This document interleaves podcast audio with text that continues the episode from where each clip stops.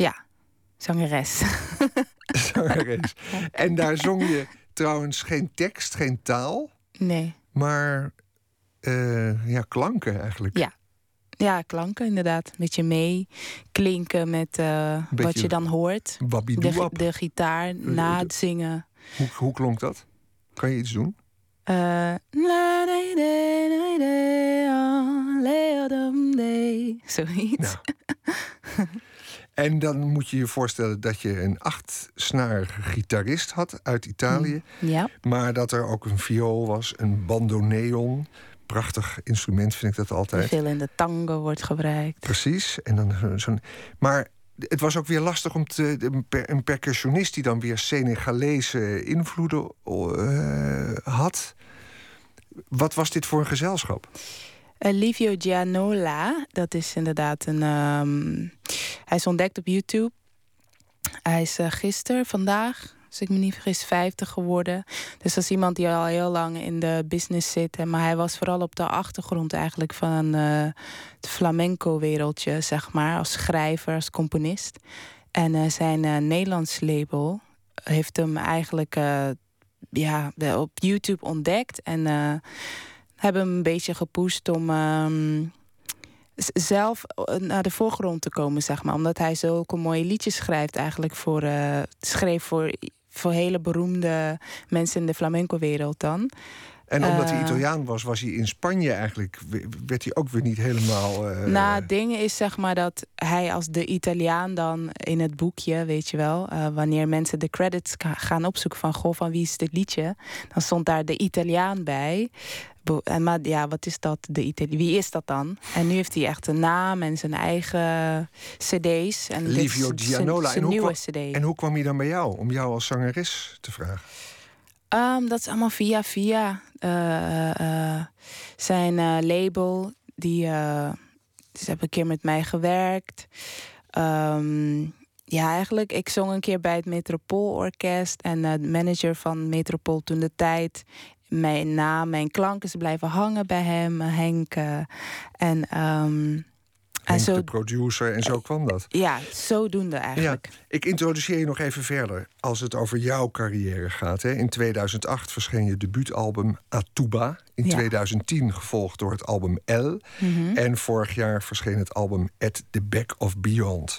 Ja. Je bent 31 en inmiddels ook internationaal doorgebroken.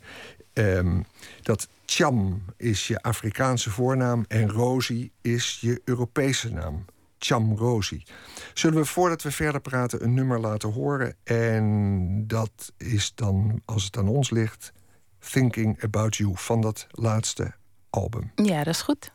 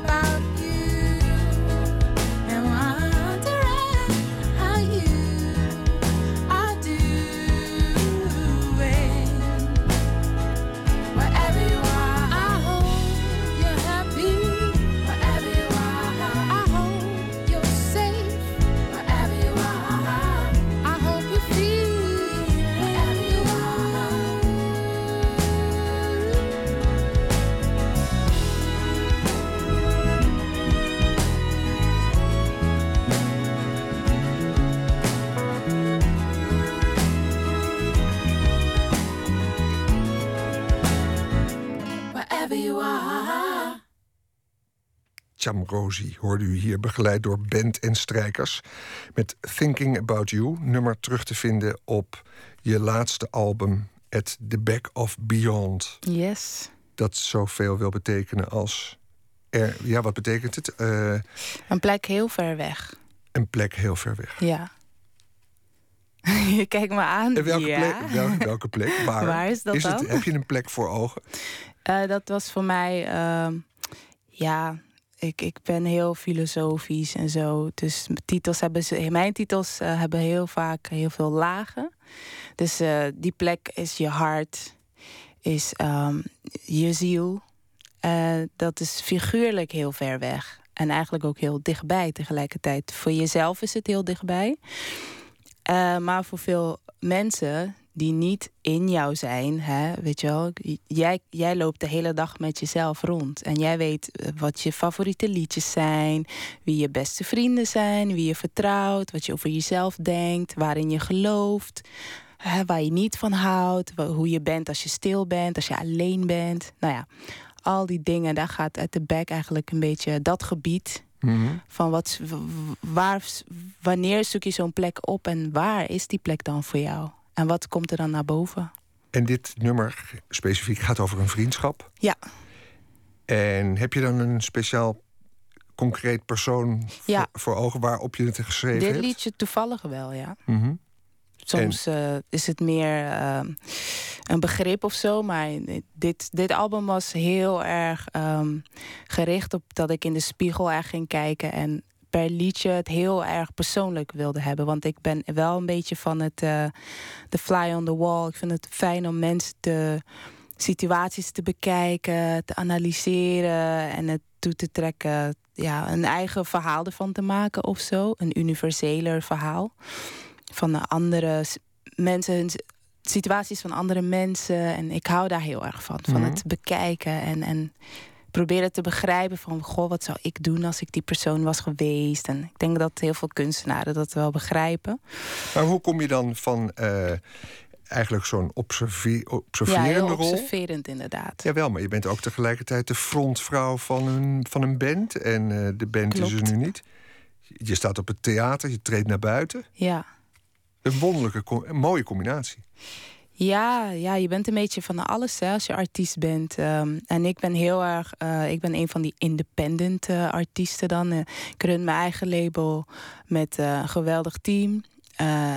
je hebt dan een band en management en, en boekingsbureau. En, de, en het is de laatste zes jaar is het bergopwaarts gegaan. Derde album, zoals we zeiden. Ja, en het derde begon... studioalbum, een vierde album. Ik heb ook nog een live album. Dus je, je doet heel veel als je zelfstandig, zeg maar, uh, in eigen beheer uh, je muziek moet uitbrengen. En ja, je hebt dus verschillende petten op. Uh, je bent inderdaad op de voorgrond sta je.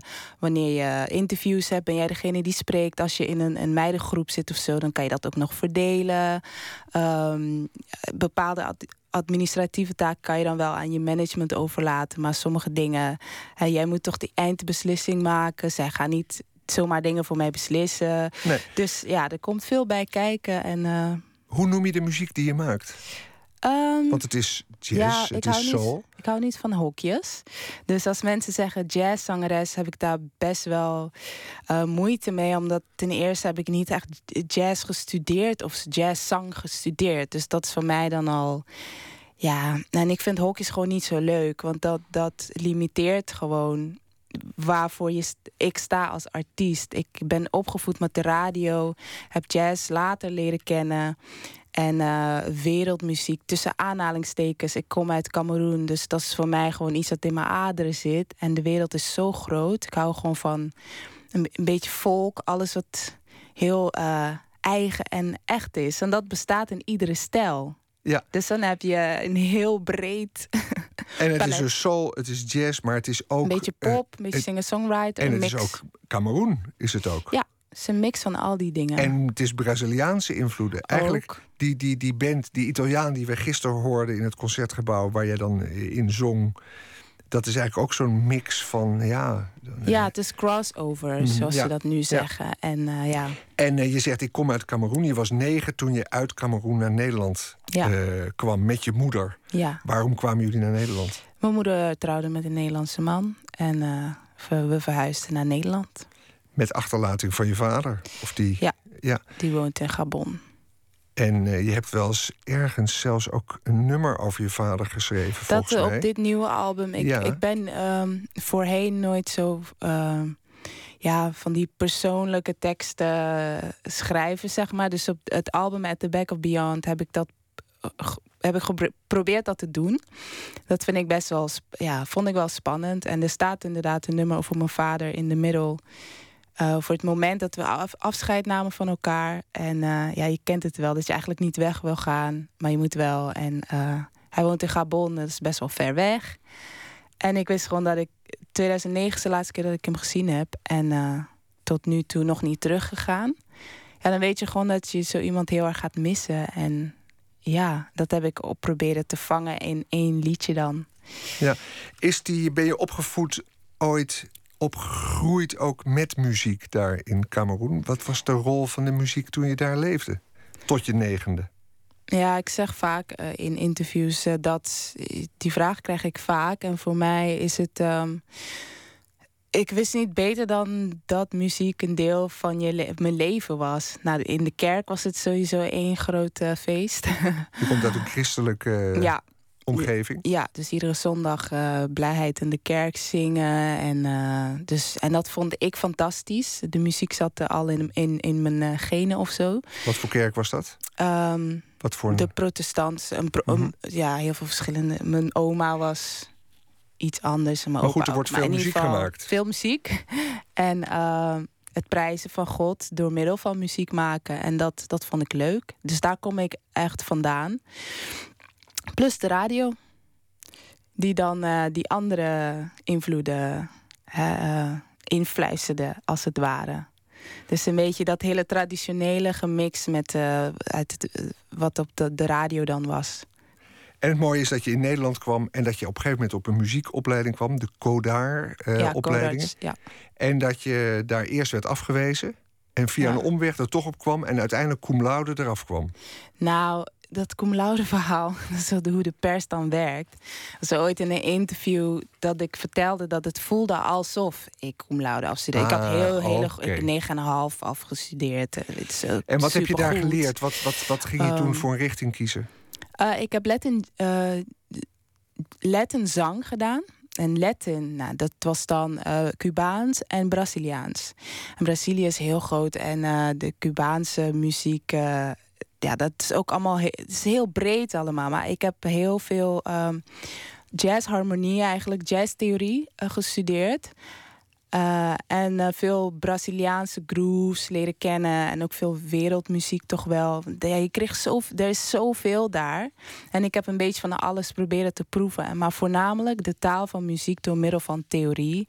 En het leren van uh, noten lezen en, en schrijven. En een beetje arrangeren. Een beetje mm -hmm. het, het, kunnen um, verwoorden van wat ik in mijn hoofd wilde hoorden zodat je dat bijvoorbeeld een band kan uitleggen wat je wil en het op papier kan zetten en, en niet meer zo. Dat was voor mij een grote handicap. Dat ik wist van ik wil later een zinger en een songwriter zijn. En niet alleen maar leuk kunnen zingen, maar ook vooral beide. Ja, dus... ja je hebt heel hoog ingezet en het gaat dus heel erg goed. Uh, want het slaat aan en je bent uh, jazzfestival uh, geweest. in, en en um, ja, komt nu met weer een album. Ja. En met een theatershow. Um, en iemand noemde jou ook een stijlicoon. En dat komt, ja. dat is misschien een heel groot woord voor. Ja. Want een stijlicoon zou dan volgers hebben. Maar als je de clips ook van jou ziet en jouw optredens, je ziet er beeldschoon uit. Dank je wel. Je hebt ook gewerkt als bijna als een soort mannequin. um, want daar schenk je heel veel aandacht aan. Hè? Uh, prachtige kleren, is dat, is dat iets wat gewoon ook uit jezelf voortkomt? Of is dat bijna alsof je ook je denkt: ja, ik ga dat merk, ik ben een merk, ik ga dat neerzetten? Hoe werkt dat? Ja, het is een beetje van allebei. Want dit werk is natuurlijk is wie ik ben. Het is ook mijn roeping. Dus het is. Hoezo is het je roeping? Ik geloof uh, persoonlijk dat God mij. Dit is wat ik hoor te doen. Dat is gewoon. Ik zou niet weten wat ik anders zou moeten doen. Om uh, gelukkig te zijn, zeg maar, als werk. Weet je wel? Dus. Hoe lang heb je dat al eigenlijk? Sinds mijn achttiende, denk ik. Ja, daarvoor deed ik het ook allemaal al, omdat het goed en leuk voelde. Maar op een gegeven moment, um, ja, ik ben een heel spiritueel uh, persoon en veel met God bezig. En um, ik vind het belangrijk om die spirituele leiding te hebben en om de goede kant op te gaan met is dit wel wat ik hoor te doen? Ben ik gelukkig in mijn, in mijn geest? Volg ik wel het pad dat God wil? Denk je dan niet als je nu uh, leest over oorlogen. Cameroen mm. is een buurland van Nigeria. Ja. Nigeria staat op zijn kop vanwege uh, moslimterroristen. Ja. Denk je dan niet, ja, die godsdiensten die, die, die, die zijn in de kern misschien mooi, maar ze leiden ook tot veel conflicten en bloederige. Um, er leidt wel meer tot de bloederigheid. Dus ja, ja, ik geloof in God. Weet je wel, dat is voor mij. Ik bedoel, oorlog is iets, helaas hè, en verschrikkelijke dingen, andere verschrikkelijke dingen in de wereld. Dat, dat is er altijd al geweest en zal er helaas altijd zijn. Maar je moet je concentreren, vind ik, op waarvoor ben ik hier? En waar geloof ik in? Wat, wat is mijn standpunt? En dat moet je dan met liefde naar de wereld brengen. En die roeping was dus op het toneel staan en zelf uh, teksten maken en muziek maken. En dat swingt alle kanten op als je je meemaakt. Het is een genot om te zien. Dank je. Um, en nu nog even dat, die kleding en dat uiterlijk. Je zegt het, is ten, het is ten dele wat ik zelf wil, maar het is ook bedacht als want het ziet er echt geweldig uit. Kijk, het is gewoon allebei. Weet je, het begint bij dat het is je roeping, vind ik. Dus daar kan je niet omheen. En daarnaast is het ook een business, weet je wel? Want er zijn veel zangeressen out there. En dan moet je gewoon je is het belangrijk om te kijken van wat maakt mij mij, zeg maar. En ja, ik hou gewoon van uh, felle kleuren en gekke haren en, en bezig zijn um, met mijn uiterlijk op een kunstzinnige manier. In de zin van dat, dat het een verlengde is van wat ik doe, van de muziek die ik maak. Voor mij is het een, uh, een 360 ding, 360 graden iets. Ik zing niet alleen, ik schrijf ook en ik produceer mee. En uh, met mijn kleding, daar denk ik over na. De, de styling, de looks, de foto's zelf. Ik, alles is één. Het is allemaal een Jamrosi. En dat dat maakt mij de artiest die ik ben. ja, want heeft als iemand gezegd, eigenlijk per album, je hebt er nu drie, ja. maak je een totale metamorfose mee en zie je er opeens heel anders uit. ja, dat, ja, dat gaat eigenlijk een beetje vanzelf. Maar ik, ik vind het belangrijk om steeds een nieuw verhaal te vertellen, omdat je als mens groeit. Uh, die, dat, dat vind ik belangrijk, dat het echt blijft en dat het niet een soort ja, het is mijn leven dat plaatje is niet zomaar een plaatje. Dat is een moment uit mijn leven, een periode uit mijn leven. En dat, dat zend je de wereld uit. En um, ja, ten tijde van L hulde je je in retro pakken. Dat was de CD van een paar jaar geleden. Uh, en had je een soort blockhead, hè, noem je dat? Ja, Een vierkant kapsel à la Grace Jones. Ja. Uh, bij het nieuwe geluid hoor ik kennelijk sneakers, felle kleuren, opvallende prints. uh, en, en wat gaat het nu worden? Want je nieuwe album komt is, eraan. Uh, ja, het The One gaat het heten? Ja, ik ga ook in de theaters dit najaar ga ik, meer op de achtergrond van The One. Van hoe ontstaat dan zo'n cd? Waar begin je en waar Want eindig die cd gaat The One heten? Ja. En de voorstelling met waar je nu mee gaat rondtoeren heet ook The One. Ja, klopt. En wie is the, the One? story behind eigenlijk. Maar ja. ik, ik, denk dat The One, dat wordt een god als ik jou zo hoor. Uh, ja, daar begint het mee, inderdaad. als je mij dan kent. Dat is voor mij degene waar alles om draait. En daaruit vloeit dus van alles. Daaruit vloeit sowieso de basis uh, voor mij is liefde naar je medemens, voor wat je doet. Uh, het is een heel breed begrip. Dus in, in The One is ook less is more. In uh, At the Back of Beyond, de plaat die nu van mij uit is, was heel erg een beetje alle kanten Gaat dat less is more ook in de muziek doorklinken? Dat het kaler wordt? Ja, en minimalistischer? Meer, ja, ja, meer ruimte voor uh, stiltes bijvoorbeeld. Dus ieder album is gewoon. Dat, dat vind ik leuk. Ik maak graag echt albums. Een soort boeken. Alsof je een nieuw mhm. boek schrijft of zo. En uh, in dit album heb ik een beetje een less is more approach uh, gehad. En ook in dat, dat, dat, dat voer je al door in alles. De en hoe gaat de les, en hoe, les is more, hoe gaat dat dan in jouw uiterlijk doorwerken? Zit je daar al nou, over na te denken? Maar, heb ik nep haar nu in? Nee. Tenminste, ja, jij denkt misschien wel, misschien niet. Dit is uh, heel echt cruisehaar. is gewoon mijn eigen haar. Uh, de make-up is allemaal niet zo schreeuwerig. Dus het wordt minder, eigenlijk. Ja, less is more ja, het, wordt, wat, het komt dichterbij. En dat is, dit is ook in het leven toch. Hoe ouder je wordt, hoe uh, dichter bij jezelf komt. Dus maar je bent 31, je bent nog heel jong.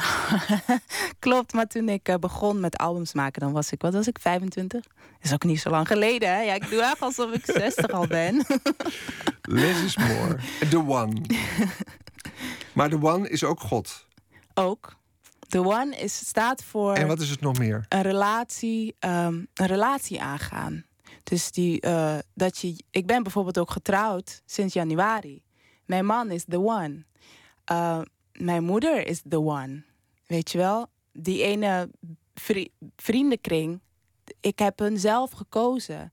Ik kies zelf om mijn God te eren. Ik kies zelf om over Jezus te zingen, bijvoorbeeld. Ik kies zelf ervoor om dit soort muziek te maken. En dat is dan ook wel weer. Al die keuzes. Het, is dan ook wel weer typerend voor jou dat je dan bijvoorbeeld wel uh, nu over God gaat zingen, terwijl dat misschien ja, qua marketing weer niet zo handig is. Want dat, kan me niet heel veel schelen. Nee, want, dat kan Zo'n zo artiest ben ik niet. Als ik het voor de grote, uh, het grote publiek de muziek in was gegaan, ja, dan, dan zou ik niet doen wat ik nu doe. Nee, dan zou je ook niet zo'n independent uh, artiest zijn. Nee. En uh, is in Cameroen doorgedrongen dat er een. Uh, iemand van hen is die in Nederland furore maakt en prachtige muziek maakt?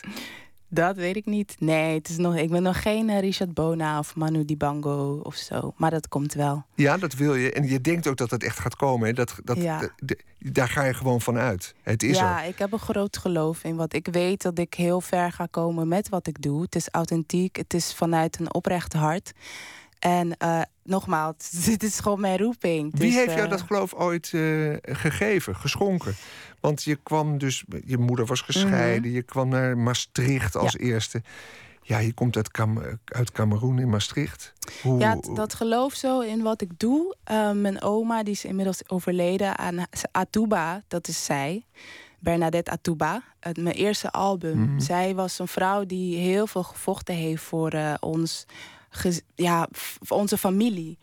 En haar uh, wilskracht ja, dat heb ik ook. En mijn moeder heeft het ook, mijn tantes. En ja, het, het, zit gewoon in mijn bloed. Ik ben niet van het opgeven. En ik geloof gewoon heel sterk. Fantastisch. Cham Rosie. En deze woorden die zijn in muziek vertaald op je cd's. At the Back of Beyond. En de nieuwe komt er dus aan en de theater gaat toeren.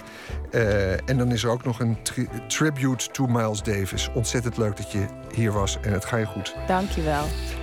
Dat was Chamrosi voor dit uur. Zometeen het tweede en laatste uur van Nooit meer slapen. Dan om te beginnen met Chet Bruinja, de dichter... met het verhaal gebaseerd op de actualiteit. Dat en meer straks na het nieuws. Tot dadelijk.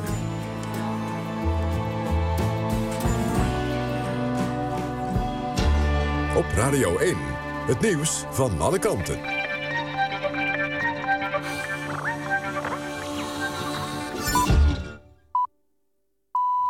1 uur, Femke Wolthuis met het NOS-journaal.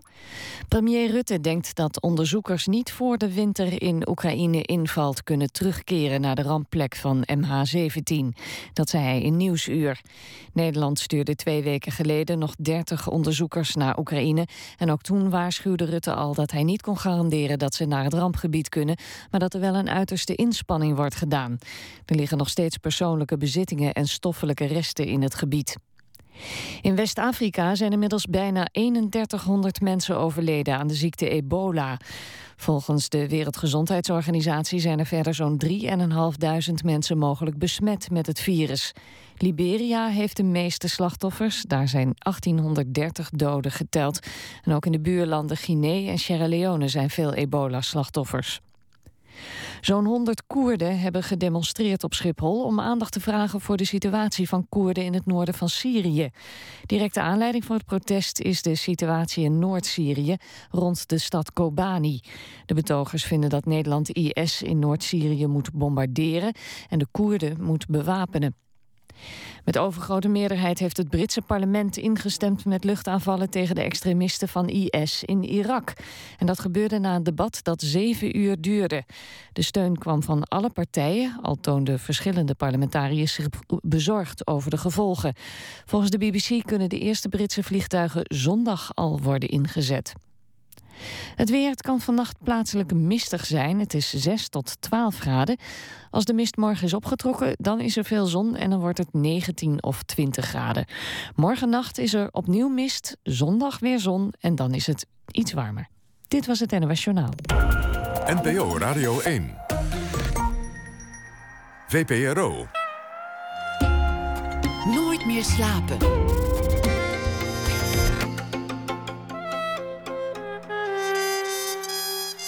Met Anton de Goede. Ja, welkom terug bij Nooit meer slapen. Wat brengt ons dit uur? We gaan het onder meer hebben over trendwatchers. Daar kan je tegenwoordig voor worden opgeleid. Gisteren werd bij de bijeenkomst Picturing the Future de lichting 2014 gepresenteerd. Nooit meer slapen was erbij, straks het verslag. En we praten met filmcomponist Fons Merkies, die tot gast van het jaar is verkozen van het Nederland, Nederlands Filmfestival. Hij voorzag de laatste jaar zo'n beetje de helft van de Nederlandse films van muziek.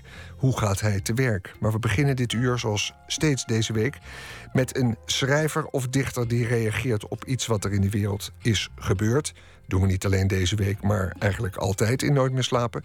Maar deze week doen we dat met Tjit Bruinja. Tjit Bruinja, de dichter van bundels als De Wijzers in het Rood, debuut uit 2000. Drie jaar later verscheen Dat het zo hoorde, zijn officiële Nederlandstalige debuut. En meerdere bundels en bloemlezingen volgden, zoals de bundel die tweetalig is: Stofzuigersjongers, Stofzuigerzangers tweetalige bundel die bovendien een cd had. Uh, erbij met de klassieke saxofoniste Femke Elstra te horen. En dan ook nog met beeldende kunst van Mirka Farabegoli. Lange inleiding, Chit. om jou in de gelegenheid te stellen je klaar te maken voor een nieuwe bijdrage. Ja, ik ben er klaar voor. Zullen we eerst naar jou luisteren en dan vragen... nou, misschien moet je even zeggen op welk nieuwsbericht je je vandaag... Ja, dat zit eigenlijk al in het verhaal, dus laat ik maar gewoon beginnen. Juist. Ik geef je het woord. Dank je. Het recht zegevierde vanmiddag niet alleen in Irak en Syrië, maar ook in Leeuwarden. Een voortvluchtige dief werd daar met succes staande gehouden door de politie. Handen en hoofd werden niet terstond afgehakt, zoals de gewoonte in enkele landen in het Midden-Oosten, bijvoorbeeld op het Chop Chop plein in Saudi-Arabië. Maar de burger werd wel, werd wel ingesloten voor verhoor. De 24-jarige dief had eerder het winkelpersoneel van een drogisterij bedreigd toen ze hem op heterdaad betrapte en ter verantwoording wilde roepen. Daarna was hij gevlogen. Dankzij een goed signalement en de medewerking van 231 deelnemers van Burgernet zijn de tubes tandpasta die de man in een speciaal daarvoor geprepareerde tas had verstopt, weer terug bij de rechtmatige eigenaar. Ik las dit nieuwtje op de geweldige site Wordnet en moest door het tandpasta denken aan mijn eigen kortstondige criminele verleden. Begin jaren 80 woonde ik in het Friese dorp Kolm. Dat u misschien kent van de reclame voor de Kolmer kaas, een stukje pittiger. Ons huis stond vlak bij de lagere school die mijn zus en ik bezochten... en vlak bij de MAVO waar mijn vader conciërge was. Tussen de middag konden we mooi naar huis toe om thuis warm te eten. Het menu bestond meestal uit vlees, aardappelen en groenten... waarbij het kostbare vlees eerst geserveerd en gegeten diende te worden... waarna de aardappelen en de groenten op ons bord werden gedeponeerd. Je moest je bord vervolgens goed uitlepelen... aangezien ook het toetje uit datzelfde bord geschept moest worden. Als we geluk hadden, aten we klop-klop pudding van dokter Oetker. Ik weet dat dat één klop te veel is, maar zo noemden wij het. S ochtends voor school gaf mijn moeder me vaak geld mee voor de klop-klop en een pakje halfzware vanille voor mijn vader, die zijn tanden en nagels er flink bruin mee rookte en er graag in opstak in de auto als we achterin zaten met de ramen dicht. Maar ik dwaal af, want ik ging het hebben over mijn wilde stap op het dievenpad. Iedereen heeft een voorbeeld nodig en mijn inspiratiebron was Yvonne. Een stoer meisje uit de achterbuurt met blond stekeltjeshaar. Terwijl ik in de supermarkt de FIFO op mijn beurt wachtte om de klop-klop af te rekenen... had ik gezien hoe zij ongemerkt een pakje Hubba-Bubba kauwgom achterover drukte. Ik zag het per ongeluk, maar kreeg een kleur van hier tot gunder... die niet door het kassameisje, maar wel door Yvonne werd opgemerkt. Ze stond me buiten op te wachten met haar vriendin... en om er zeker van te zijn dat ik niet zou klikken... werd mijn hoofd een paar keer tegen de stenen supermarktmuur getikt. Ik leerde een wijze les, ontweek in het vervolg Yvonne... en zette mijn zinnen op de Hubba Bubba... die veel lekkerder was dan de stiemelrol van mijn moeder... waar je bovendien totaal geen bellen mee kon blazen. Erg handig was ik echter niet als dief, want de tweede keer dat ik een pakje kauwgom in mijn broekzak liet zakken, stond de bedrijfsleider me op te wachten. Ik gaf het pakje terug, smeekte de beste man mijn ouders niet in te lichten en rende beschaamd naar huis. Een tekort aan zakgeld en een grote behoefte aan een plastic waterpistooltje zorgde voor de volgende illegale activiteit. Partner in crime was Checo, met wie ik regelmatig discussieerde over met welke vrouw je beter kon trouwen. Amy uit die A-team of April uit de Night Rider. Onze crusade for justice leidde naar de speelgoedzaak... waar Checo bedacht dat de vijf gulden die voor het pistooltje gevraagd werd... veel te gortig was en dat het rechtvaardiger zou zijn als we de helft, de helft zouden betalen. Na zoektocht door de winkel vonden we het prijsticketje van F250 dat verkundig over de F5,00 werd geplakt. We werden niet betrapt, maar het misdrijf knaagde wel aan mijn geweten... waardoor ik weinig plezier meer beleefde aan het spelen met onze buit. Latere aanvaring met de wet gingen vooral over door rood rijden en met de katapult op vrijende stelletjes schieten bij de sporthal, eveneens in Colum. Jacko en ik trouwden niet met April of Amy, maar hij pakte later wel de wapens op als soldaat in Bosnië. En ik werd geen dief, maar een dichter die wel eens een deel van zijn teksten leent van internet en verder keurig voor zijn tandpasta en waterpistooltjes betaalt. Nu me nog even opgeven bij Burgernet. Geweldig. Chit Bruin, ja. Dank je. De klop-klop van dokter Oetker. En ja. de, ja, het, het wankele pad van het... Eigenlijk bijna het slechte pad opgelopen. Eigenlijk heeft iedereen zo'n periode gehad, toch? Dat je, ja, een beetje stelen, hè? Een beetje... Ja, maar dat je dan ook echt gewoon... dat je de zenuwen door, je, door alles voelt gieren. En ja, je... ik voelde ze eigenlijk nu weer doorheen gieren, ja. Wat me vooral bijblijft ook is het feit dat je vader conciërge was op een school. Zat je daar zelf ook op? Daar heb ik een jaar op gezeten, omdat ik heb uh, de, de CITO-toets destijds ontzettend slecht gemaakt. Dus ik heb, ik heb acht jaar lang op de middelbare school gezeten. Waarvan één jaar op de, op de MAHO in Colum bij mijn vader. En dat is geen uh, lolletje als je bij je vader op school zit. Nee, daar kan ik me ook het een en ander van voorstellen. Ook, maar je gaat er wel dichter van worden, kennelijk. Ja, ja. Chit Bruin, ja, we danken je. De tijd is alweer voor okay. deze rubriek voorbij. En uh, we danken je voor een hele week fantastische bijdrage. Dankjewel. En uh, we lezen je boeken en we horen je weer op andere plekken. Dankjewel. Oké, okay, doei. Wij gaan hier naar muziek uh, luisteren. Na het uitbrengen van drie EP's verschijnt half oktober het eerste volledige album van het Britse trio Beers Den. We kunnen alvast een nummer laten horen: Above the Clouds of Pompeii.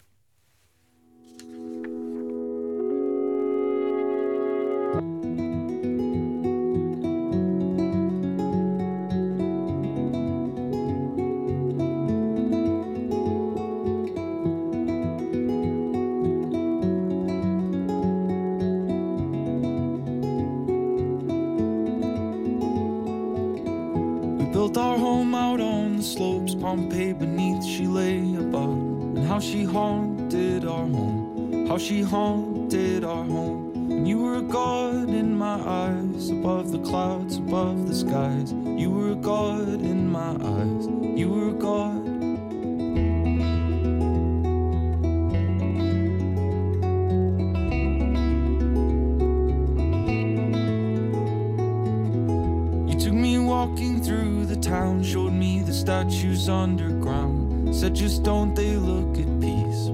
Sometimes I wish that was me. And I was the son you always had, tugging at your coat while you were sad. I was the son you always had. Yeah, I was the son you always had.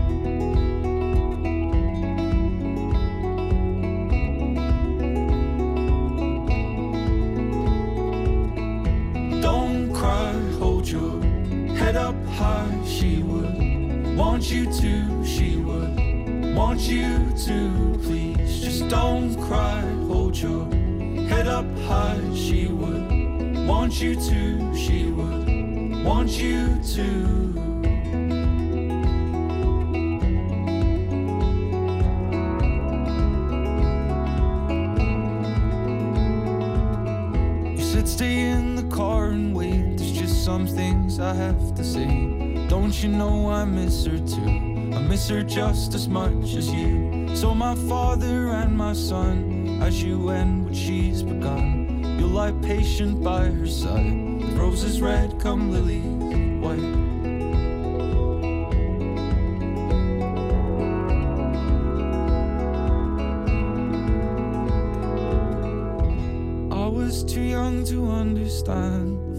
flowers slipping from your hands.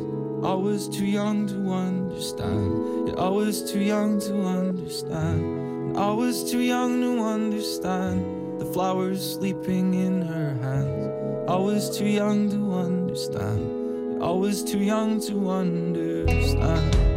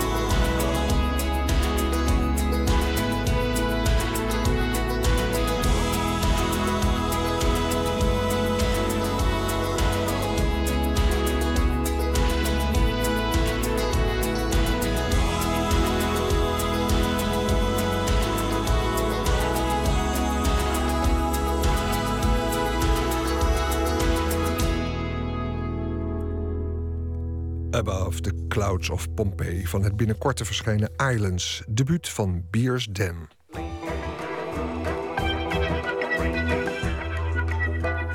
Hoe ziet onze toekomst eruit? Ontwikkelingen op alle mogelijke gebieden gaan zo snel dat we daar maar wat graag antwoord op willen hebben. Het verbaast dan ook niet dat trendwatchers populair zijn.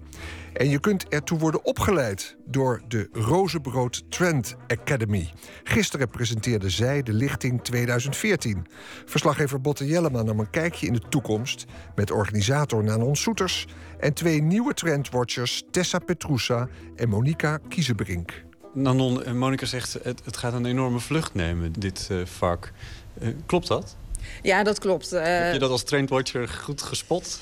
dat hebben we goed gespot, maar uh, ondervinden we ook aan de lijve. Want we hebben echt gewoon heel veel werk. En ik weet dat collega's ook heel veel werk hebben. Maar dat is ook niet zo gek, want de wereld is een stuk onzekerder geworden. Uh, de financiële hey, Kijk eens aan, zijn jullie handelaren in zekerheden? Mm, niet in zekerheden, maar mensen willen graag weten waar het naartoe gaat. Want ze willen op het juiste paard wedden. de meeste mensen die wij krijgen willen ook geen trendwatcher worden. Die vinden het een interessante tool om toe te voegen aan hun instrumenten koffertje.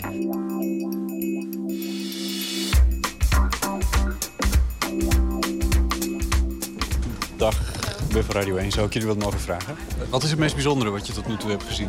Nou, ik vond over het menselijk lichaam en uh, de samensmelting van technologie en wat mogelijk is, vond ik uh, heel interessant. Kan je wat met die informatie? Ja, ik moet eerst het idee dat zoveel mogelijk is nog een beetje mijn eigen maken, zeg maar. Ik moet een beetje aan wennen. Nou, ik uh, was uitgever, uh, jarenlang geweest, van boeken. En daarin ben je eigenlijk ook altijd al bezig met uh, het zoeken naar trends. En ik wil dat eigenlijk een wat bredere basis geven. Nog niet inspired, maar more get bevestigd. Dus, dus confirmed met wat je zelf denkt en voelt. Bent u trendwatcher? Ik ben 30 jaar geleden modeopleiding gedaan, de Rietveld. Dus ik ben van nature een trendwatcher, ja. Ja. De mode die is er altijd, heeft altijd wat in voorop gelopen. hè? Ja, dus, dus het is gewoon mij heel eigen. Ik heb ook met uh, Liedewij Edekoort ooit uh, gewerkt. Nanon Soeters. Deze bijeenkomst die heet eh, Picturing the Future. Deze bijeenkomst gaat over het verbeelden van de toekomst. En die wordt georganiseerd door Rozenbrood. En wij zijn trendwatchers. En we hebben een bijzondere voorliefde voor beeld. We gebruiken beeld om de tijdgeest uit af te leiden. He, dus als informatiebron. Maar we gebruiken ook beeld om vervolgens aan ons publiek over te brengen... wat er nou eigenlijk in de wereld aan de hand is of gaat gebeuren. Wat voor beeld heb je het dan over? We hebben het dan over alle soorten beeld. Het kan uh, kunst en design zijn. Dat is natuurlijk heel leuk, want kunstenaars en designers lopen met die speciale antennes. Die voelen heel goed veranderingen aan van de tijdgeest en geven dat ook heel snel al vorm. Maar ook reclame bijvoorbeeld of een, een nieuwsfoto uit de krant zegt heel veel over de tijdgeest. Dat soort beelden moeten we aan denken, in ja, brede zin. In brede zin, beeld in brede zin. Wat is trendwatchen? Trendwatchen. In onze visie is trendwatchen heel goed kijken naar veranderende waarden in de samenleving. Wat zijn dingen die mensen willen in hun leven en met hun leven? En wat voor veranderingen zie je daarin ten opzichte van 50 jaar geleden, 10 jaar geleden? En wat kun je dan vervolgens zeggen over wat we in de toekomst gaan willen? Je hebt twee van je cursisten die bij, uh, bij ons zitten. Uh, kan je ze even voorstellen? Ja, uh, cursisten vind ik altijd een beetje, een beetje raar woord trouwens. Ze zeggen altijd... Ze zijn trendwatchers natuurlijk. Ja, je, je mag niet op de Trend Academy als je jong bent, 26. En zelfs dan moet je heel hard vechten. Ja, we willen mensen met een beetje levenservaring. En dus de mensen die bij ons komen, zijn mensen die zijn al gepokt en gemateld in hun eigen vakgebied. Maar wie ik hier bij me heb zitten, dat zijn uh, Tessa Petrusa. En uh, Tessa is eigenlijk een, een onderzoeker van oorsprong antropoloog en combineert dat nu met uh, trendwatching. En ze geeft ook les in trendwatching. En ik heb hier zitten uh, Monika Kiesenbrink. En uh, Monika heeft een heel groot sociaal hart. En dat zet ze in voor maatschappelijke organisaties. En daar gaat haar presentatie ook over. Monika, eerst even naar jou. Wat ga je hier vertellen vandaag? Uh, mijn presentatie gaat eigenlijk over nou ja, de, de, maatschappelijke ontwikkelingen zeg maar, en wat die voor kansen bieden voor maatschappelijke organisaties. Tegelijkertijd durven we ons steeds ook wel meer kwetsbaar op te stellen. Dit is uit een serie van een, uh, een kunstenaar die jongeren heeft gevraagd, of jonge mensen heeft gevraagd om te poseren met hun diepste twijfels. Zeg maar. En twijfelen, denk ik, mag steeds meer. Weet je, heel veel mensen, als je zegt van ik doe trendwatching, dan zeggen mensen van oh, wat wordt een nieuwe kleur. Ja, dus dat is wel heel vaak het beeld wat mensen ja, hebben. Wat wordt het nieuwe zwart? Ja, Vertel dat eens. Precies, ja. ja, precies. Dus mensen hebben toch heel vaak de associatie met mode of eventueel met inrichting, met styling en, en dat soort dingen. Dus als je dan vertelt dat het veel meer gaat over maatschappelijke uh, ontwikkelingen en hoe je die kunt inzetten zeg maar, voor innovatieprocessen.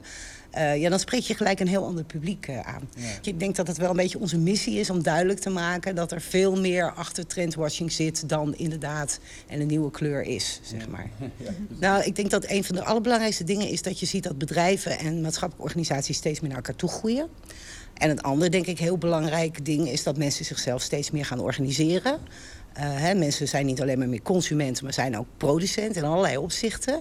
En dat kan je ook, denk ik, gebruiken als maatschappelijke organisatie om mensen eigenlijk uh, te, te, enthousiasmeren, om mee te helpen aan jouw missie. Ja, ja. En, en, heb je daar voorbeelden van? Even nadenken. Nou ja, wat ik zelf bijvoorbeeld wel heel mooi vind, is uh, dat, het Rode Kruis. Die hebben een website gemaakt. die heet ikbenveilig.nl of .com. En daarin zie je dus heel erg dat ze heel erg ook kijken... niet zozeer van wat is ons verhaal... maar dat ze veel meer kijken ook van waar zouden mensen behoefte aan hebben... wat zeg maar in lijn is met onze missie. Mm -hmm. uh, en daar hebben ze vervolgens hebben ze daar die website om gemaakt. En daar kan je bijvoorbeeld dus als je betrokken bent bij een ramp... en dat kan natuurlijk heel heftig zijn... maar dat kan ook bij wijze van spreken een kettingbotsing zijn... dan kan je via die website laten weten... ik was daar, maar ik ben uh, veilig, zeg maar. Dus dat vind ik een heel mooi voorbeeld van... hoe je eigenlijk als maatschappelijke organisatie... op een andere manier kijkt naar wat jouw rol zou kunnen zijn.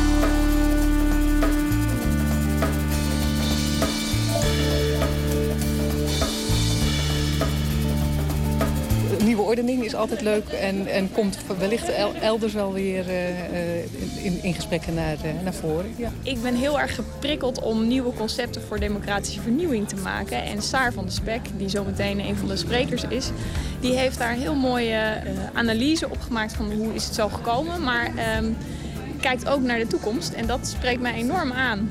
En ik ben straks zelfstandig professional. En ik wil diezelfde beweging van nieuwe eh, democratische concepten bedenken, gaan toepassen. Niet alleen maar in Utrecht, maar juist ook in andere steden. Ja, dus je kan wat met deze informatie? Absoluut.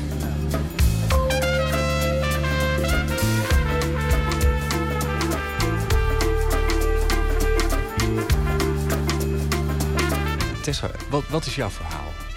Um, ik heb het in deze presentatie die ik heb gemaakt met name over lichaamstransformaties. En eigenlijk hoe wij misschien op een andere manier naar het lichaam gaan kijken.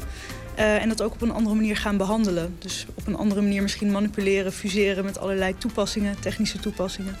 Toen, toen we elkaar net ontmoetten, toen stond je echt even te springen naast ze van... oh, ik vind het zo'n leuk onderwerp waar ik mee bezig ben. Je bent echt heel enthousiast over die, die transformaties in het lichaam en, en daarmee bezig zijn. Ja, ik weet niet zeker of enthousiast het goede woord is. Ik vind het heel fascinerend. Uh, ik denk dat het ook een oude fascinatie van me is. Mijn afstudeerscriptie ging dus ook over cosmetische chirurgie. En het is niet zo je bent dat antropoloog, hè? Ja, ik ben antropoloog. Voor een antropoloog ook een iets wat ongebruikelijk onderwerp. Um, maar ja, ik vind het eindeloos fascinerend. Maar ik denk niet zeker. Nou ja, het is niet zo dat ik dan ook meteen dat zelf ook allemaal zou willen. Of mezelf ook op allerlei manieren wil manipuleren. Maar ik vind die behoefte en die waarde die erachter zit heel fascinerend. Van nou, hoe komt het nou dat we dat eh, nou, normaler gaan vinden?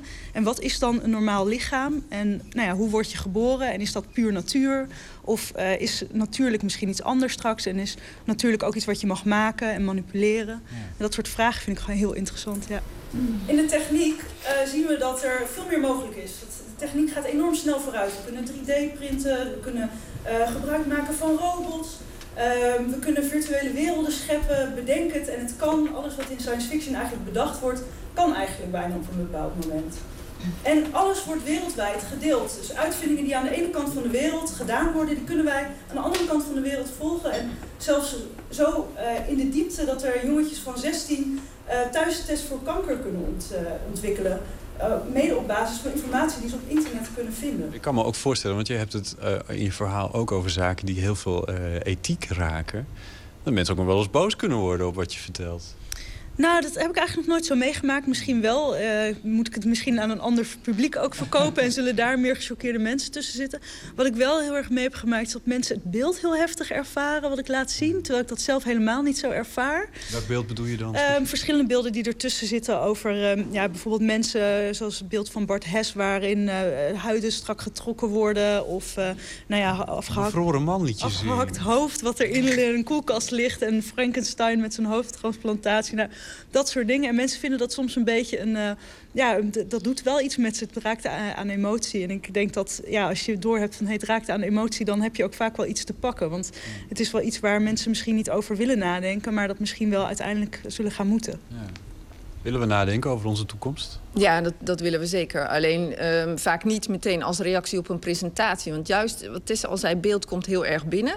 Maar dat maakt ook dat mensen er wekenlang mee bezig eh, blijven. Wat we dus proberen ook om te onderwijzen op de Trend Academy... is zorgen dat mensen ook niet alleen maar een inspiratieverhaal kunnen vertellen... maar ook vervolgens vorm kunnen geven aan wat je met een opdrachtgever mee zou kunnen. Hè? Hoe kun je er een workshop aan koppelen? Of hoe kun je implementatievormen eraan koppelen? Kijk, nu begrijp ik ook dat, waarom jij inderdaad, uh, Monica... dus gewoon bij een, bij een NGO zelf werkt. En niet een rondreizende cowboy bent uh, die, die overal trends gaat voorspellen. Nee, nee, absoluut niet. Nee, en ik denk dat dat voor veel van ons geldt. Uh, dus ik vind het ook heel leuk om uitgenodigd te worden... om deze presentatie ook voor andere NGO's te doen. Maar het is niet zo dat ik nu mijn vak verander. Het is juist inderdaad wat Nanon zegt. Ik denk dat dit heel belangrijk is als je in een bepaald beroep zit... Uh, om je ook te stimuleren om meer samen te werken met mensen. Zoals ik nou bijvoorbeeld met een antropoloog opeens. Uh, daar zou je normaal en niet zo snel mee uh, van doen hebben. Maar zo ontstaan er juist die crossovers die denk ik de wereld echt verder gaan helpen. Ik denk dat, dat, wel, dat we dat met z'n allen nodig hebben. U hoorde twee nieuwe trendwatchers, Tessa Petrusa en Monica Kiezenbrink... en Nanon Soeters, organisator van, het, van de bijeenkomst Picturing the Future. Voor en over trendwatching dus. Een bijdrage was dit van Botte Jellema. She Keeps Bees is een duo uit Brooklyn, New York... bestaande uit zangeres, gitariste Jessica Larrabee... en drummer Andy LaPlante. Er is een derde album van ze uit, getiteld Eight Houses. En daarvan is dit Is What It Is.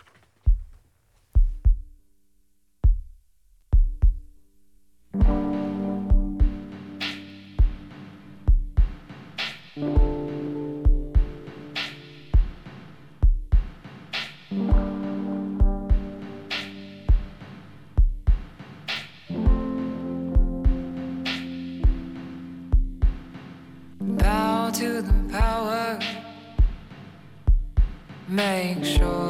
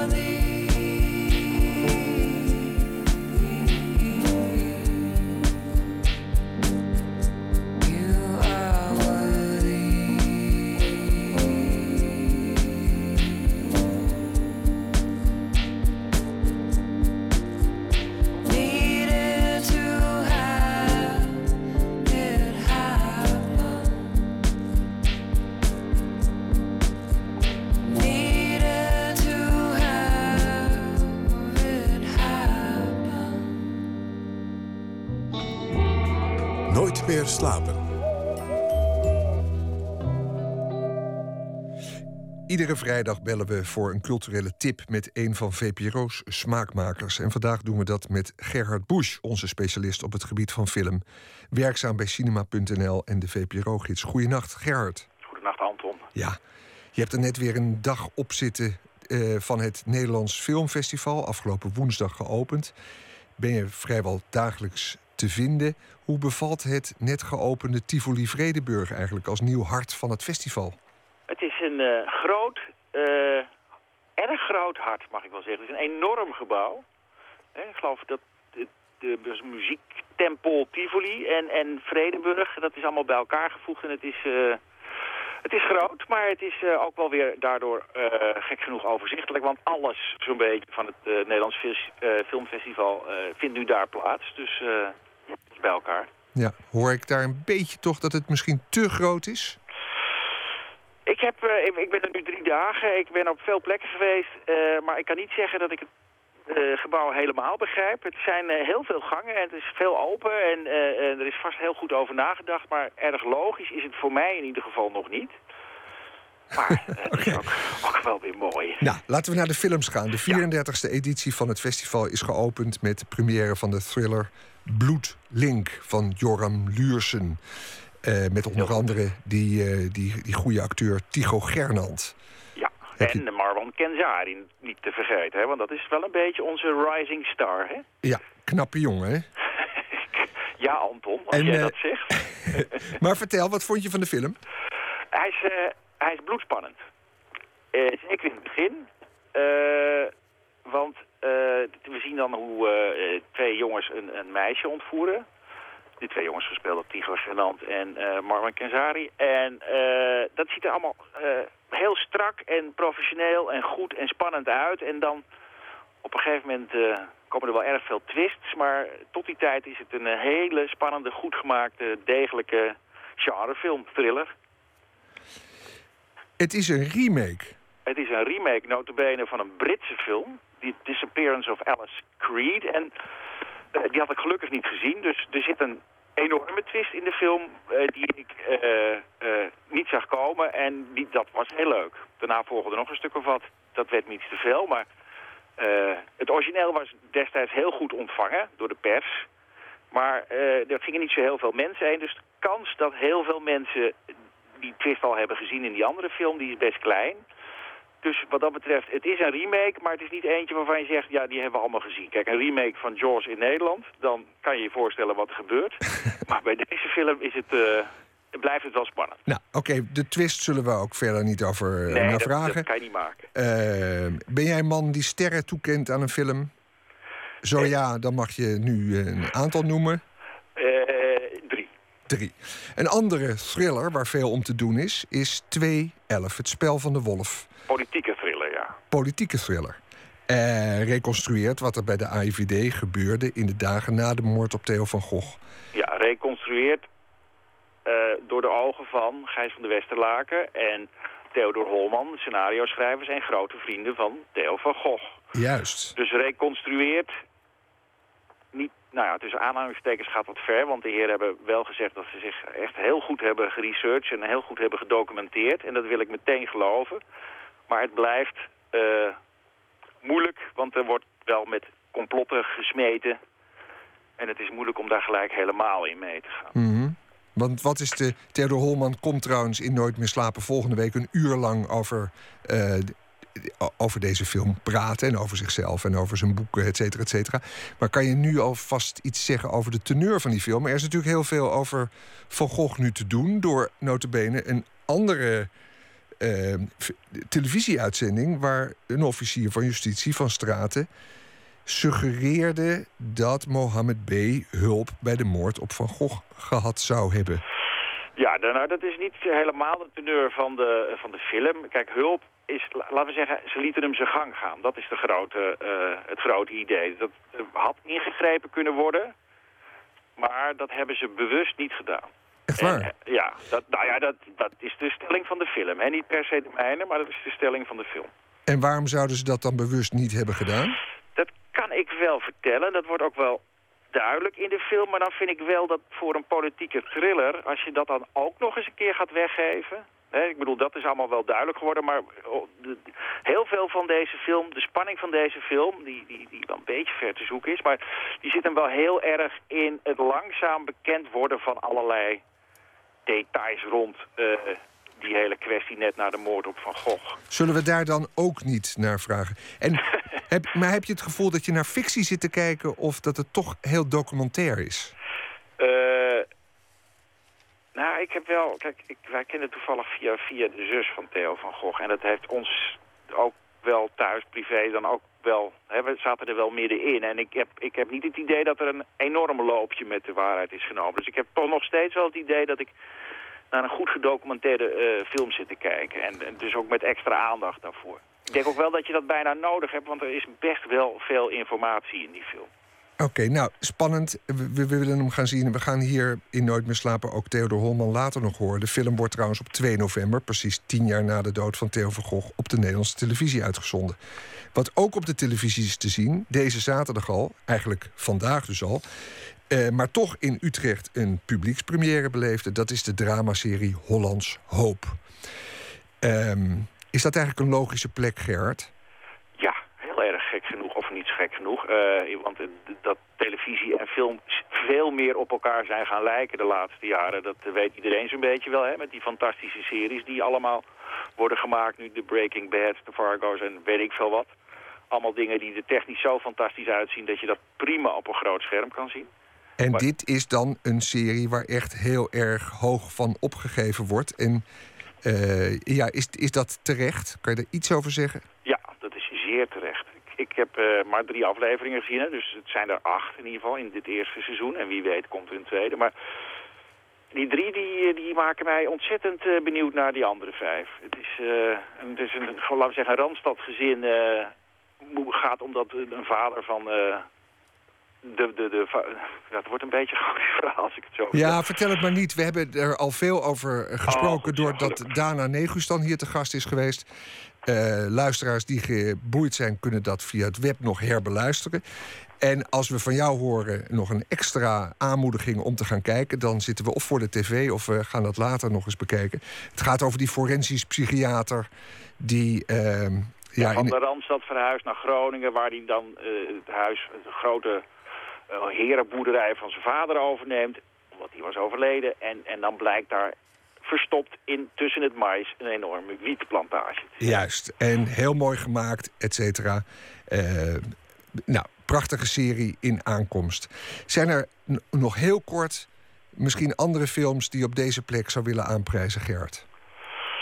Nou ja, eh Brozer heb ik, eh, daar had ik al iets eerder mee gesproken, want daar hebben we al in de gids wat over gedaan. Maar dat is wel een heel bijzondere film, hè? de film van Mijke de Jong. met dezelfde club waarmee ze in 1997 de film Broos maakte. Maar een van de actrices eh, kreeg kanker. Eh, dat, dat hoorden de andere actrices. Ze zeiden, nou misschien moeten we in de laatste paar jaar die je nog hebt, moeten we dat gewoon, moeten we daar maar een film van maken. En dat klinkt tamelijk luguber en misschien ook wel een beetje opdringerig, openhartig. Maar het is zo oprecht en, en daardoor ook ja, aangrijpend dat het een hele mooie, beetje rare mengeling van fictie en werkelijkheid is geworden. Ja. Die, eh, als je het aan kan, moet je dat zeker proberen.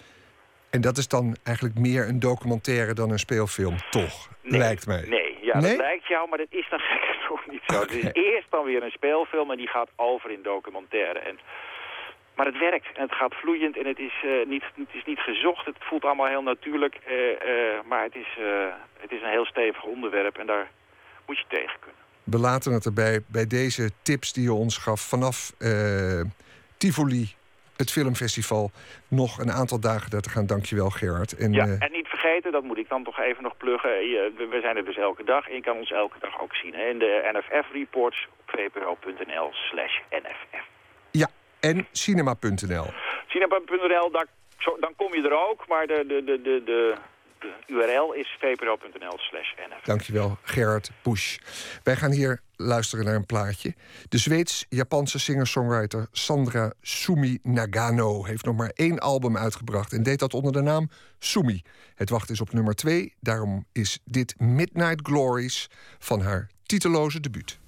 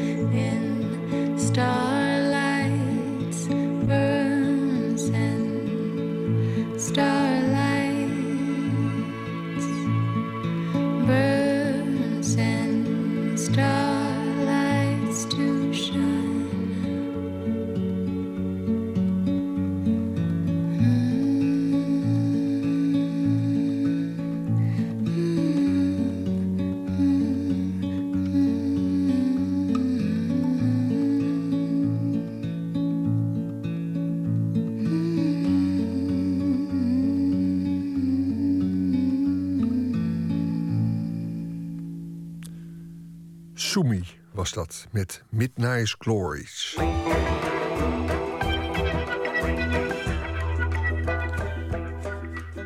Dit jaar tijdens het Nederlands Filmfestival extra aandacht voor filmmuziek. Gast van het jaar is misschien wel de meest productieve filmcomponist van Nederland, Fons Merkies. Aan Floortje Smit vertelt hij hoe hij te werk gaat.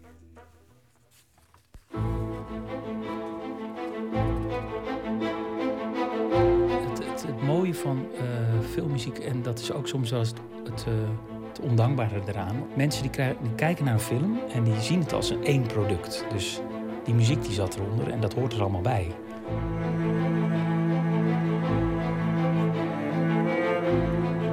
Zij zien natuurlijk niet het hele proces. Dus zij zien niet bijvoorbeeld dat een scène met een ene muziek een totaal andere uitwerking kan hebben dan met de andere muziek. Maar hoe gaat zo'n proces? Hoe ontstaat de soundtrack van een film? Hoe weet je als filmcomponist wat wel en wat niet werkt? We vragen het Fons Merkies, die al meer dan 100 Nederlandse films van een soundtrack voorzag. Dit komt uit Boy Ecurie uit 2003. Merkies won er een gouden kalf mee. Het begon heel simpel, met een melodietje. Dat stond op een cassettebandje dat regisseur Frans Wijs gaf. Het was een liedje dat veel betekende voor de hoofdpersoon. Merkies verwerkte die melodie in zijn muziek. En eh, daar was ik eigenlijk behoorlijk tevreden over, omdat heel vaak een heel simpel idee, een eh, intuïtief simpel idee voor een score, heel goed kan werken. Dat je denkt, eh, oh, ik ga, dat, dan ga die melodie pakken en daar ga ik dan gewoon alles mee doen. Of in het geval van Chenou bijvoorbeeld, de hoofdpersoon houdt ontzettend van Anita Meijer. Ik ga alles met Anita Meijer melodieën doen. En dan op een score-achtige manier, dus soms herken je ze niet. Dan denk je, hè, denk je van, hè, ik ken deze muziek. Oh, hè, oh, dat was Anita Meijer natuurlijk. Op een gegeven moment ga je het misschien doorkrijgen. Maar ook wel, als het goed is, is het meer dat je er achteraf denkt... hé, hey, wat verrassend eigenlijk of zo.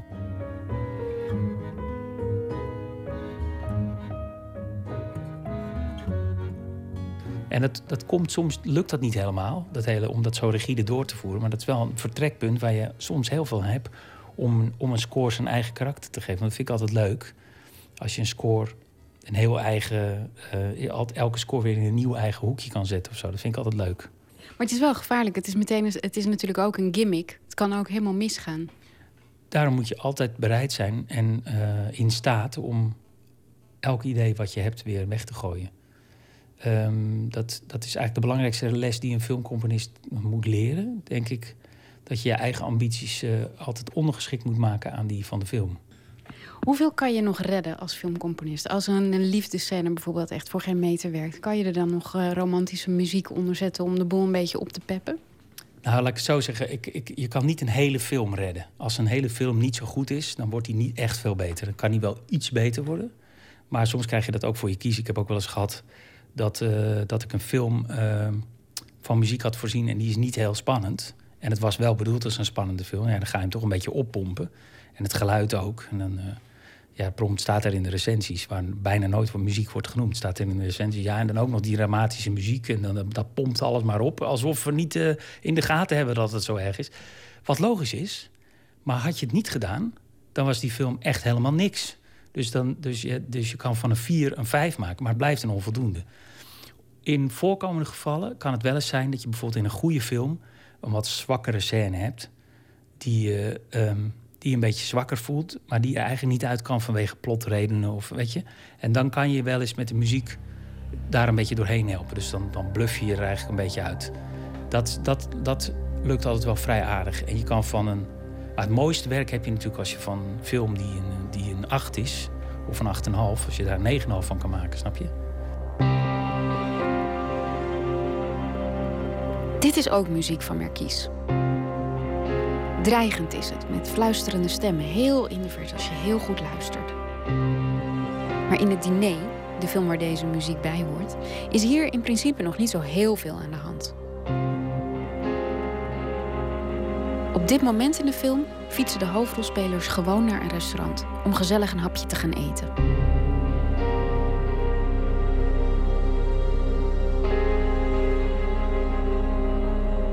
En het mooiste is altijd, vind ik, dat je met filmmuziek nog eigenlijk een soort subtekst kan geven aan de, aan de film. Zoals een acteur bijvoorbeeld, als hij, ehm, als hij een tekst uitspreekt, dat het mooi is als hij in zijn lichaamstaal of als, er, als, hij, als hij daaronder die tekst nog een geheim heeft, dat je denkt van hé, hey, hij zegt dit wel, maar hij bedoelt eigenlijk wat anders. Dat is eigenlijk mooie, dat is, dat, dat is gelaagd spelen. En dat doe je eigenlijk met muziek proberen het ook te doen. En dat kan een manipulatie in elke richting zijn. Het kan bijvoorbeeld zijn omdat je um, bijvoorbeeld in, in The Silence of the Lambs is wel een voorbeeld wat ik, wat ik wel eens laat zien. Dan zie je uh, Jodie Foster aanbellen bij het huis van de seriemoordenaar. En tegelijkertijd staat de FBI met een ander heel groot team bij een huis waarvan wij weten... zij zit fout, Jodie Foster zit goed, maar die is wel in er eentje. En dan, die film die is natuurlijk ongelooflijk goed gemonteerd en die is heel goed gelukt. Dus als zij dat huis binnengaat, dan hoor je niet muziek die, het, die maakt het ook wel eng... Maar die maakt het vooral eigenlijk, wil die muziek bijna geruststellen. En dat is het tegenovergestelde wat je als kijker wil. En waardoor je eigenlijk gemanipuleerd wordt. Heel gek is dat, het werkt op een onbewust niveau. Dat je eigenlijk wil roepen: hé, hey, hey, dit klopt niet. Dit is helemaal niet uh, uh, geruststellend. En dan wil je eigenlijk naar het doek schreeuwen: van je moet oppassen, je moet oppassen. En dat is een manipulatie die mensen eigenlijk natuurlijk niet in de gaten hebben. Dat gebeurt op een onbewust niveau. En dat is het mooie van muziek. Dat is hetzelfde als je met geur bijvoorbeeld. Als je langs een bakker fietst, dan kan het zijn dat je ineens denkt aan hoe je was toen je zeven was. En, uh, en uh, naar je oma fietste. Dat, en dat is met muziek ook. Dat gebeurt op zo'n onderbewust niveau. Dat is, dat is die diepere laag die vanzelf wordt toegevoegd. Als, het, als de muziek van de film heel goed is, dan hoor je hem niet. Ja, dat, vind ik, dat is een beetje een, een bouwde uitspraak. Want dat is um, ergens ook weer wel zo. Maar laat ik het anders zeggen, want dat, dat, dat geldt eigenlijk voor elke discipline. Als je Brad Pitt in een film ziet aan het begin en je vergeet maar niet dat het Brad Pitt is, dan doet hij het niet goed. Of dan is de film gewoon niet gelukt, snap je? Als je, als je ik heb wel eens ja, bijvoorbeeld een film van de Coen Brothers. En dan kom ik ineens Brad Pitt tegen. En dan denk ik, Brad Pitt in een Coen Brothers film. En dan uiteindelijk dan begint die film te werken. En dan vergeet je dat Brad Pitt is. Dan is het gewoon een personage. Nou, dan, doet het, dan is het het goed, snap je? Dus met de muziek eigenlijk ook. Dus het valt je niet op als het uh, als het goed is. En toch noteer je het misschien wel. Je kan misschien wel ergens op een onderbewust niveau wel denken van... Oh, wat een mooi thema, snap je wat ik bedoel? Dat, uh, maar dat moet je niet in de weg gaan zitten. Je moet er niet van gaan denken, huh, wat, wat een mooie muziek. Want dan ben je uit de film, dat is ook niet goed. Je moet eigenlijk, als je, als je later weer dat, uh, die melodie hoort... moet je aan de film denken. Bijvoorbeeld, of je denkt... Of je denkt achteraf, wat een fantastisch film was dat wat was die muziek eigenlijk ook mooi. Snap je wat ik bedoel? Zo, zo zou het mooi. Dat is eigenlijk het mooiste wat je kan hebben. Dat je dus uh, dat het je niet opvalt tijdens de film, maar dat je na de film denkt: oh, dat was echt wel prachtig hoe, dat, hoe ze dat gedaan hebben.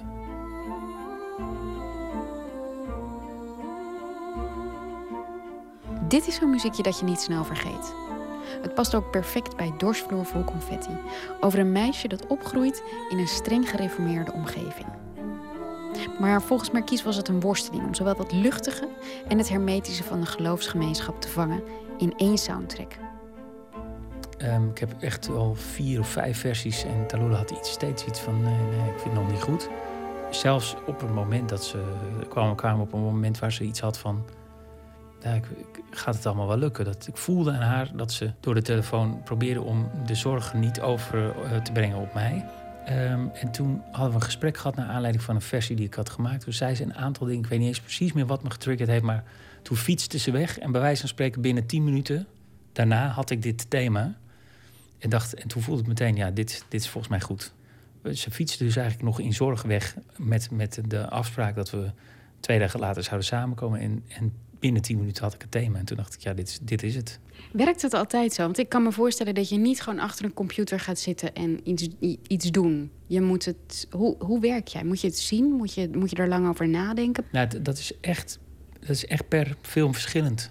Thema's of dergelijke dingen bedenk ik nooit achter de computer. Dat is gewoon, dat komt juist als ik er buiten ben. Of, eh, of ik zit even op de bank. Of dan ga ik. En dan komt er een melodie. Of, eh, dat klinkt alsof God komt overvliegen. Zo is het niet. Ik moet er echt wel over nadenken. Maar het is wel echt een, eh, eh, een continu denkproces. Eerder dan dat je nou. Tenminste, ik ben niet de componist die achter de piano gaat zitten en een beetje gaat pielen. En dan komt er wat. Dat, dat werkt voor mij niet. Vind ik, veel te, vind ik niet doelgericht genoeg of zo. Dat moet, dat moet in mijn hoofd komen. Dan, dan is het goed. Komt het ook wel eens niet? is gelukkig nog nooit voorgekomen. Maar ik heb ook. ehm, ik heb een tijdje lesgegeven op het conservatorium in Amsterdam. En mijn, eh, mijn eh, stelling was ook bij die leerlingen die ik eh, les gaf: van eigenlijk het writersblok bestaat niet. Omdat ik denk, je hebt altijd technieken, zeg maar, die je aan het werk kunnen helpen. En als je die technieken toepast, dan komt, als het goed is, vanzelf de inspiratie erbij. En daardoor is het nog nooit niet gekomen. Er komt altijd wel iets. En natuurlijk heb je eh, scores of muziekjes eh, waarvan je denkt... ja, dit is, dit is beter geworden dan ik had durven hopen. Omdat je dan denkt, hé, heb ik dit gemaakt? Komt wel eens voor. En soms denk je, voel je de moeizaamheid van processen nog wel eens doorheen. Maar ja, je moet gewoon leveren ook, hè. Het is een bakker moet ook gewoon zijn brood bakken. En de ene keer is het lekkerder dan de andere keer, toch?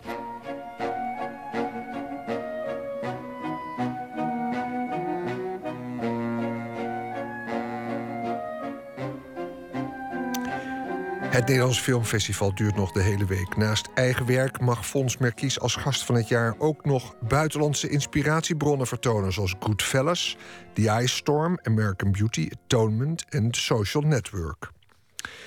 Muziek. Hij wordt wel de grootste bluesgitarist genoemd. Holy, Howling Wolf. Letterlijk en figuurlijk, want hij was een reus, deze Chester Arthur Burnett, zoals hij het echt heet. Met schoenmaat 50. We gaan luisteren naar Howling Wolf met Shake It For Me. take great pleasure in presenting to you this time the Howling Wolf.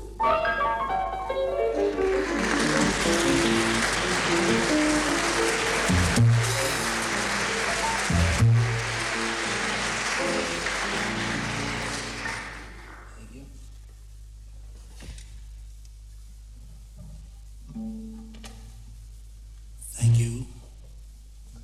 Tune is going out now. Is Shake It For Me, baby.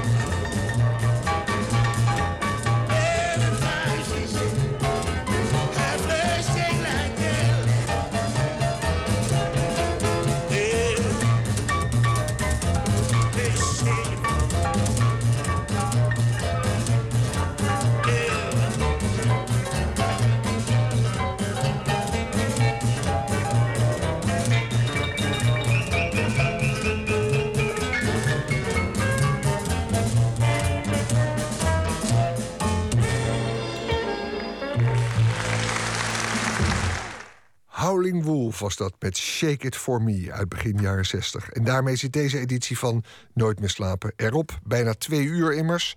Ik vertel nog iets over maandag. Dan zit Pieter van der Wielen weer op deze stoel... en ontvangt hij Ivan Wolvers, de man van de vele medicijngidsen. En sinds, eh, ja, sinds geruime tijd schrijft hij ook over zijn eigen prostaatkanker. Bijvoorbeeld in het boek Als de tijd voor altijd stil zou staan. Komende maandag te gast tussen 12 en 1. Straks, na het nieuws, eh, is hier dan Woord.nl. Nee, het programma Woord heet dat. Ja, gewoon Woord. Gewoon Woord. Ofwel de archieven van de publieke omroep ontsloten, vakkundig. Vannacht door Frank Jochemsen, nu al even aangeschoven. Wat gaan jullie Ja, het gaat vannacht, eh, Anton, over een van mijn grootste zonden, als je dat zo mag zeggen.